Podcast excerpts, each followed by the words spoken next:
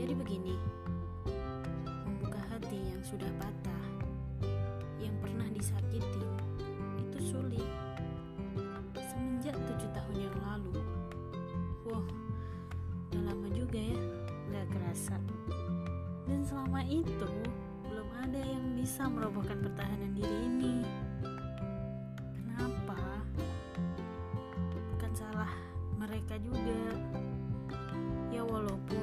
Selalu berusaha membuka hati kepada siapa saja, tapi cukup berat. Entah mengapa. Mungkin karena takut jatuh, lalu tersakiti, kecewa dengan ekspektasi diri sendiri, kecewa dengan permainan yang kau mainkan, datang dan pergi seenaknya. Tapi aku yakin hati ini akan terbuka kepada ia pemenangnya yang merasa beruntung karena telah berhasil membuka hati ini.